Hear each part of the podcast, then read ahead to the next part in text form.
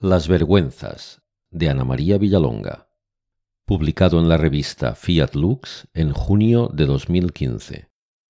Narradora de Aldo Pino, Maribel Gutiérrez.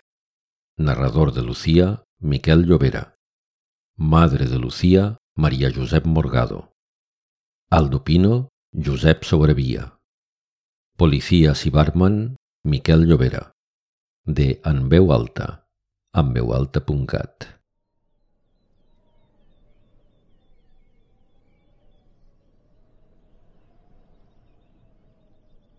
Cuando Aldo Pino se apostó en el escondrijo mejor camuflado del parque, aún era muy temprano. Para su ocupación, la semioscuridad representaba un plus. El lugar estaba desierto y hacía un frío intenso. Una niebla sutil que empezaba a desgajarse en diminutas partículas se elevaba con pereza desde los parterres húmedos. Aldo Pino, oculto entre árboles frondosos, se estremeció. Eso de llevar las piernas al aire era lo peor, al menos en invierno. Años atrás había probado con otro sistema, el de los pantalones abajo. Parecía más lógico, pero en la práctica resultaba bastante complicado. De acuerdo que le permitía cubrirse las piernas la mayor parte del tiempo, pero también le dificultaba las cosas cuando hacía falta echar a correr. Más de una vez se había visto forzado a huir dando saltos como una rana, con los pantalones en los tobillos porque la policía o la urbana habían aparecido de golpe sin darle tiempo a recomponer su vestimenta. El sistema gabardina que usaba ahora funcionaba mejor. Iba sin pantalones ni calzoncillos, solo con el calzado, los calcetines, una camiseta y un jersey las piernas desnudas pero cubiertas con la gabardina. Cuando llegaba el momento, abría la parte delantera e voilà. Podía mostrar las vergüenzas en todo su esplendor. Si por desgracia se imponía alargarse, su atuendo no se lo iba a impedir. A él le gustaba hablar de vergüenzas, como si fuera una especie de eufemismo dignificante. Sabía que sonaba un poco antiguo, pero no soportaba las expresiones del tipo enseñar la polla, el paquete, el aparato y cosas así. Le parecía soez. Que fuera un exhibicionista convicto y confeso no significaba que se sintiera cómodo con un lenguaje que, a su entender, no hacía otra cosa más que degradar su forma de vida. A Aldo Pino aquella mañana le pesaba el frío. Ya no era un niño, tuvo que admitir.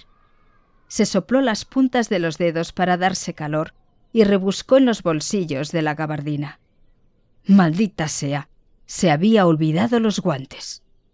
Pese a todo, esperó con paciencia, cambiando el peso de una pierna a otra como si hiciera ejercicio. Dentro de un rato empezarían a desfilar las cacatúas, un batallón de amas de casa más bien maduritas que cada viernes a primera hora iban al mercado. El parque les servía de atajo. Lo cruzaban con sus carros de la compra y así se evitaban un buen rodeo. Algunas iban solas y otras en parejas, parloteando como cotorras. Representaban una clientela fija y segura. Como que llevaban los carros, normalmente no podían escapar demasiado deprisa. Además, las había de una edad respetable, con una agilidad, por decirlo suavemente, más bien escasa. Aunque no podía negar que él prefería a las jóvenes, o mejor aún, a las muy jóvenes, a aquella hora de la mañana tenía que conformarse.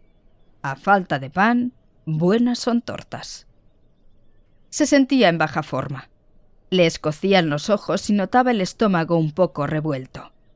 Tal vez se debiera a la desagradable pesadilla de aquella noche que le había impedido descansar en condiciones. Por más que lo intentaba, no lograba fijar las imágenes, pero tampoco podía desprenderse de una insistente sensación de ansiedad. Veía algo oscuro, una suerte de peligro en concreto que acechaba agazapado al final de un largo túnel. Apretó los párpados, tratando de recordar. Nada. No recuperó ninguna otra visión, pero tampoco consiguió sentirse mejor. Desvió la vista a la derecha por encima de las copas de los árboles. entre la bruma, distinguió el cercano edificio de la comisaría central. También tenía delito exhibirse allí mismo. Los polis le conocían a la perfección y a menudo le utilizaban como cabeza de turco cuando se producía algún incidente, tuviera él la culpa o no. Continuar allí entrañaba un riesgo, ahora que ya no podía correr tan deprisa como antes, pero aquel parque, con diferencia, era el mejor de la ciudad, no solo para esconderse a causa de su poblada vegetación, sino también porque contaba con un considerable tráfico de chicas guapas, alocadas y jóvenes. Algunas, se relamía, muy jóvenes. En los alrededores se alzaba un enorme centro comercial, un paraíso de regalos de Navidad, rebajas de enero y de verano y ofertas de todas clases. Lo más de lo más de la fiebre consumista, la compra compulsiva y el gasto sin control. A pesar del frío, para Aldo Pino el otoño y el invierno representaban de largo la mejor época del año. En especial las últimas horas de los viernes y los sábados. Las muchachas apuraban hasta el cierre de las tiendas y abandonaban el centro comercial cuando las sombras ya se habían enseñoreado del parque y de la ciudad. Entonces era su momento. Gabardina abierta y ya. La niebla se convertía en su cómplice, una calina helada con olor a salitre que llegaba del mar. La cercanía de las playas revestía el ambiente para su solaz y satisfacción de una bruma casi opaca, porosa y fantasmal. Lucía Ramírez se puso el abrigo, se calzó el gorro y bajó la puerta metálica de la perfumería con un golpe seco. Le resultaba menos costoso que hacerlo despacio porque la puerta pesaba bastante y ella era poquita cosa. Había conseguido el trabajo un par de meses antes, en contra de los deseos de su madre, que estaba empeñada en que no dejara de estudiar. Hija, sin un título no eres nadie. Le insistía la mujer un día sí y el otro también. Acaba al menos la secundaria, que luego te arrepentirás. Lucía no lo veía así. Odiaba estudiar. Aborrecía los libros y las clases. La hacían sentir incómoda, fuera de lugar. En cambio, el trabajo en la tienda de perfumes una conocida franquicia ubicada en el pasillo más concurrido de aquel moderno centro comercial, parecía hecho a su medida. Atender a las clientas, darles a probar las delicadas fragancias, aconsejarlas, envolver cuidadosamente los paquetes, colocarles un lazo de color, dorado o plateado, allí sí que estaba bien. Cada mañana se ponía guapa y se encaminaba a la tienda como si fuera una fiesta. No le importaba salir tarde ni tener que trabajar los sábados o en fechas especiales, incluso los domingos. Se sentía realizada y feliz, dijera su madre lo que dijera. No todo el mundo había nacido para ser médico o abogado. Ella no tenía ningún interés en ir a la universidad. Saludó con la cabeza al guardia de seguridad y salió del edificio, prácticamente vacío. La mayoría de comercios ya habían echado la persiana abajo, pero ella se había demorado un poco con una rubia platino que no acababa de decidirse. Que si Chanel, que si Dior, cómo se notaba que le sobraba el dinero.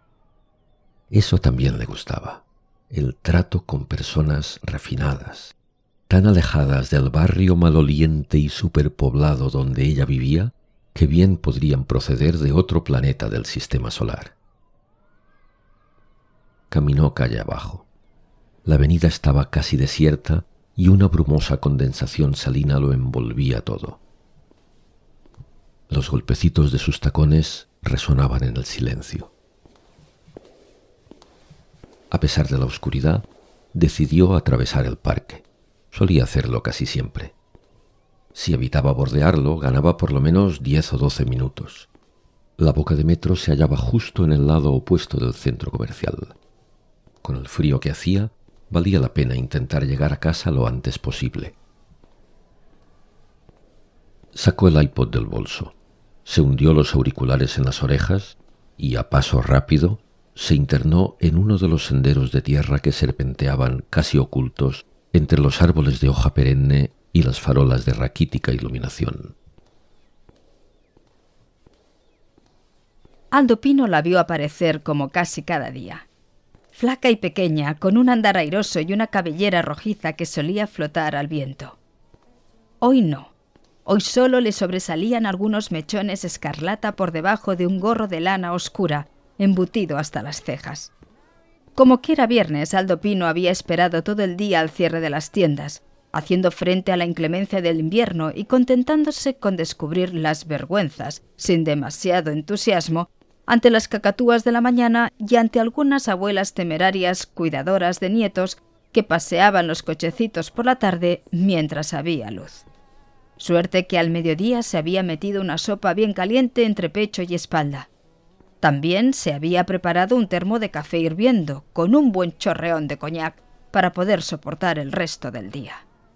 Por desgracia, aquel viernes había resultado un fracaso. Pocas chicas cruzando el parque. Tal vez hacía demasiado frío incluso para comprar. Sin embargo, allí estaba ella ahora, tan liviana como de costumbre, casi levitando sobre la tierra húmeda, la música en las orejas y el bolso en bandolera. Una chiquita de cara animosa, con ropa barata pero moderna, intentando aparentar una edad y un estatus que no le pertenecían, que no eran los suyos.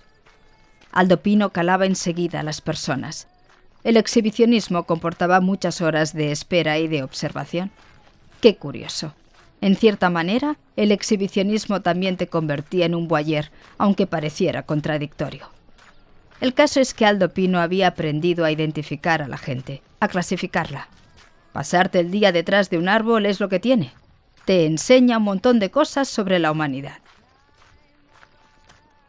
Siguió a la joven con la mirada desde la distancia. Le gustaba mucho. Inconscientemente se agarró los dos extremos de la gabardina, dispuesto a actuar. Pero estaba lejos y de lado.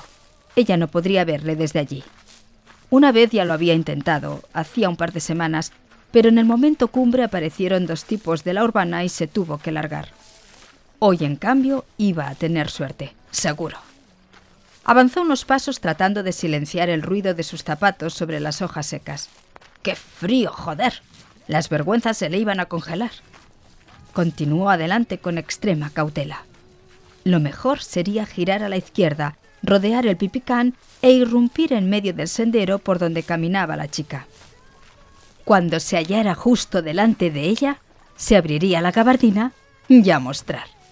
Ella no podría evitarlo. Aunque fuera un visto y no visto, tendría que mirar. Aldo Pino suspiró. Con eso hoy se daría por satisfecho. Luego volvería corriendo a casa. Aquel maldito invierno era imposible de soportar. Lucía hundió las manos en los bolsillos del abrigo, mientras Adele se quejaba plañideramente en sus oídos.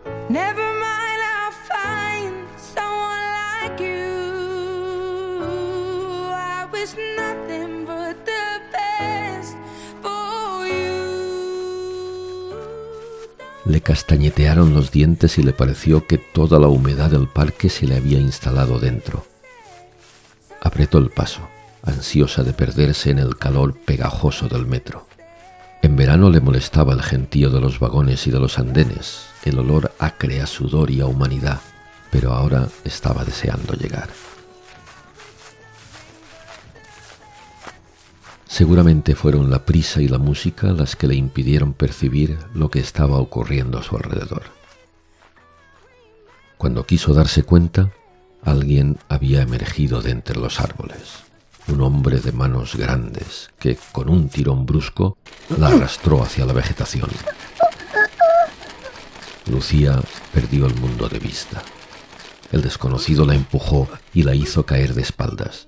Sintió que su cabeza rebotaba secamente y que la tierra dura se le clavaba en los omóplatos, en las vértebras.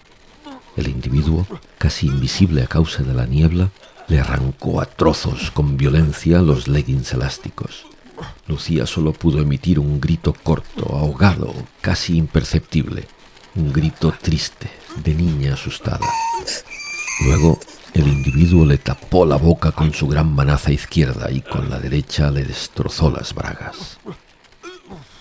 Lucía apenas pudo moverse. Tampoco fue capaz de respirar en el momento en que el hombre, resoplando como un cerdo y con una embestida animal, se metió en su interior.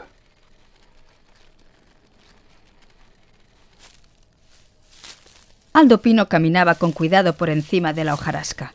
Intentaba no hacer ruido. Tenía la vista fija en la chica, pero a veces se veía obligado a mirar bajo sus pies. No quería tropezar con los troncos y las raíces que sobresalían del suelo. La luz anémica de las farolas, resultado de la proverbial cicatería del ayuntamiento, le molestó. Normalmente le servía de aliada, pero esta noche no. Esta noche necesitaba avanzar deprisa. Si no, la chica se le volvería a escapar. Un poquito más de claridad no habría estado mal, joder. Mientras tanteaba donde colocaba los pies ya bastante cerca del camino, un sonido sordo le llamó la atención. Alzó la vista. Al principio no comprendió lo que estaba ocurriendo. Le pareció demasiado rápido, demasiado increíble, demasiado irreal. Luego, como una arcada, le sobrevino el recuerdo de la pesadilla que le había torturado la noche anterior. Y el peligro agazapado en las sombras adquirió de pronto una consistencia palpable, de monstruo descomunal. Entonces le llegó aquel grito seco e inútil de niñita perdida. Y sí, lo entendió. Casi no había distinguido al hombre antes de que empujara a la chica hacia el interior de la vegetación pero percibió que era grande, muy grande, y también que su pelo engominado y muy blanco relucía como un faro entre la porosa humedad de la calina del mar. Supo por la tele que se llamaba Lucía Ramírez. Trabajaba en una de las perfumerías de diseño del centro comercial. Tenía 17 años y ahora se encontraba en coma profundo, en estado crítico, en la unidad de vigilancia intensiva del hospital. Un golpe seco en la base del cráneo le había producido una severísima hemorragia cerebral. El pronóstico, según manifestaba el presentador del telediario, era muy grave. Los médicos no se mostraban nada optimistas. Lucía Ramírez podía morir en cualquier momento, o en el mejor de los casos, quedarse así para siempre, como un vegetal. Aldo Pino pensó que ese no era el mejor de los casos. Quedarse así como la princesa del cuento. Una bella durmiente de guedejas rojas, con los ojos cerrados, inmóvil, yerta, para siempre. Se le removían las tripas. Qué triste. Qué mal. Por lo menos sentía la tranquilidad de haber hecho lo correcto. Nadie podía pedirle más. Y eso que no era fácil dada su condición. Los policías le tenían más que fichado. Sabían que se pasaba las horas en el parque con las vergüenzas al aire, casi cada día. Y sin embargo, él se portó. Aunque tuvo que actuar con inteligencia, sin precipitación. Después de oír el grito de la chica, había sentido la perentoria necesidad de correr hacia ella. La visión de aquel gigante de pelo blanco le había causado escalofríos. Enseguida tuvo claro que aquello no podía acabar bien. Se echó las manos a la cabeza intentando reflexionar. Durante unos largos instantes deambuló de un lado para otro como una fiera enjaulada, hollando con sus pasos el césped quemado por el frío. ¿Qué podía hacer? Aquel hombre era el doble de alto que él, y el doble de ancho. Físicamente la batalla estaba perdida. Además, los minutos pasaban. De repente lo vio surgir a toda prisa de entre los arbustos, echando una ojeada en derredor. Aldo Pinos se agachó, a pesar de que la noche ya se había adueñado del lugar. Casi no se distinguía nada, solo la cabeza blanca de aquel individuo, brillando entre la niebla y la oscuridad. Sería por la gomina. Llevaba mucha. El tipejo lanzó una última mirada por encima de su hombro y luego, casi corriendo, desapareció. Aldo Pino se estremeció de la cabeza a los pies. ¿Qué habría sido de la chiquita? Pensó en acercarse, pero rápidamente lo descartó. Imposible. No podía arriesgarse a que encontraran sus huellas cerca de ella. Era como gritar directamente a los polis. Venid a buscarme. que he sido yo. Un delincuente sexual que pululaba por los alrededores le solucionaría la papeleta. Y sin embargo, él jamás haría una cosa así. Aldo Pino solo disfrutaba cuando le contemplaban. Lo suyo era la emoción de causar revuelo, de ahuyentar casi infantilmente a las víctimas. Se satisfacía mostrándose a distancia, pero el contacto carnal no tenía nada que ver con él. También por ese motivo no podía permitir que le pillaran. Ya había estado en la cárcel, ya sabía lo que significaba. A duras penas conseguía respirar cuando recordaba las vejaciones, la violencia, el dolor. Un exhibicionista entre rejas era como un conejo entre las fauces de un león, la presa más fácil que podía existir. No, decididamente no. No iba a exponerse de esa forma. No iba a tentar a la suerte. Se mesó los cabellos tratando de tomar una decisión. Lo más prudente sería dar un aviso anónimo. Desestimó su móvil, podrían localizar la llamada. Así que se metió en un bar. Un local algo mugriento, con poca luz. El camarero limpiaba unos vasos tras la barra y dos hombres bebían y charlaban en un rincón. Los tres le miraron de arriba abajo cuando entró. Tal vez debería buscar un sitio que no estuviera tan cerca, intuyó él, pero enseguida recordó a la muchacha. ¿Y si estaba mal herida? No, no podía perder más tiempo, no. ¿Tienen teléfono fijo? Inquirió con voz indecisa. Es para una llamada urgente. El barman cabeceó sin dejar de observarle. Aldopino miró hacia abajo, a su propio cuerpo. Se aseguró de llevar bien abrochada la gabardina, aunque no estaba seguro de si, por debajo de los faldones, se le veía algún fragmento de pierna. No, eran manías suyas, estaba bien tapado. Aún así, se apretó aún más el cinturón. El hombre del bar le acercó un teléfono lleno de huellas. Aquí tiene. Gracias. Marcó el 112. Le respondieron enseguida, no tuvo que esperar. Sin identificarse ni extenderse en detalles, expuso lo ocurrido y dio la localización exacta del lugar donde podrían encontrar a la chiquita que había sido atacada. Luego devolvió el sucio aparato. Ya está. Con la satisfacción del deber cumplido, salió de nuevo a la calle. Se quedó en los alrededores del parque hasta que oyó las sirenas. En esta ocasión la cercanía de la comisaría había resultado providencial. Después de ver la noticia en la tele, se acostó. Estaba agotado, pero no pudo dormir. La imagen de la joven Lucía acudía a su retina sin descanso. El gorrito de lana, el bolso cruzado sobre el pecho, los pasitos elásticos como de pájaro en el sendero de tierra la chica que quería ser otra persona. Qué pocas oportunidades le había dado la vida. Menuda mierda. A las cuatro de la madrugada, harto de dar vueltas, Aldo Pino se levantó. La casa estaba helada. Se embutió en una sudadera vieja que casi no le cabía sobre el pijama y se aposentó frente al televisor con una cerveza en la mano. Bebió un par de sorbos y se calmó un poco. A ver si conseguía relajarse, joder. Cuando empezaba a notar en los ojos el agradable cosquilleo del sueño, unos golpes insistentes, duros como martillazos, le llegaron desde el recibidor. El susto casi lo mata. Le pareció que todo el edificio iba a derrumbarse, pero lo único que se vino abajo fue su puerta. Se puso en pie de un salto sin saber qué hacer. La botella de cerveza se estrelló a sus pies, rota en mil pedazos. ¿Qué coño? Alguien en tono inapelable vociferó.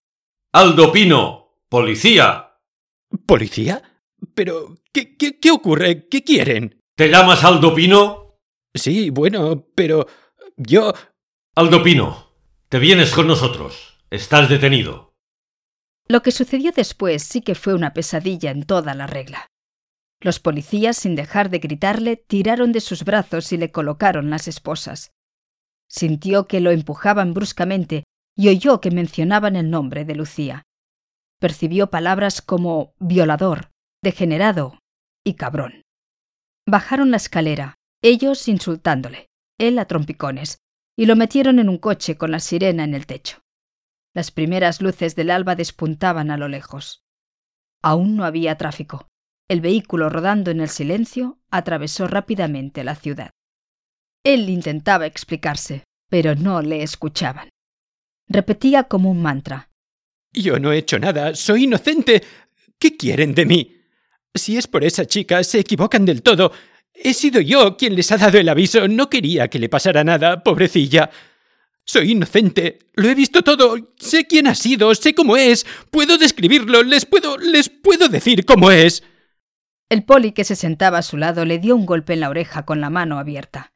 Tan fuerte que a él le pareció que algo se había desprendido dentro de su cabeza.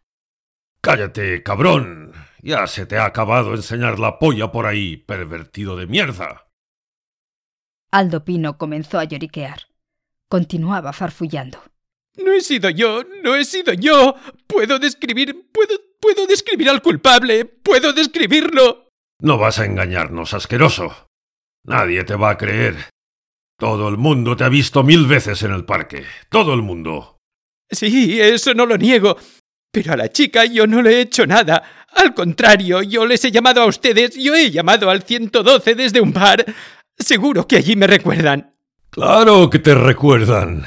Y recuerdan tu gabardina y los pelos de tus piernas, cabrón.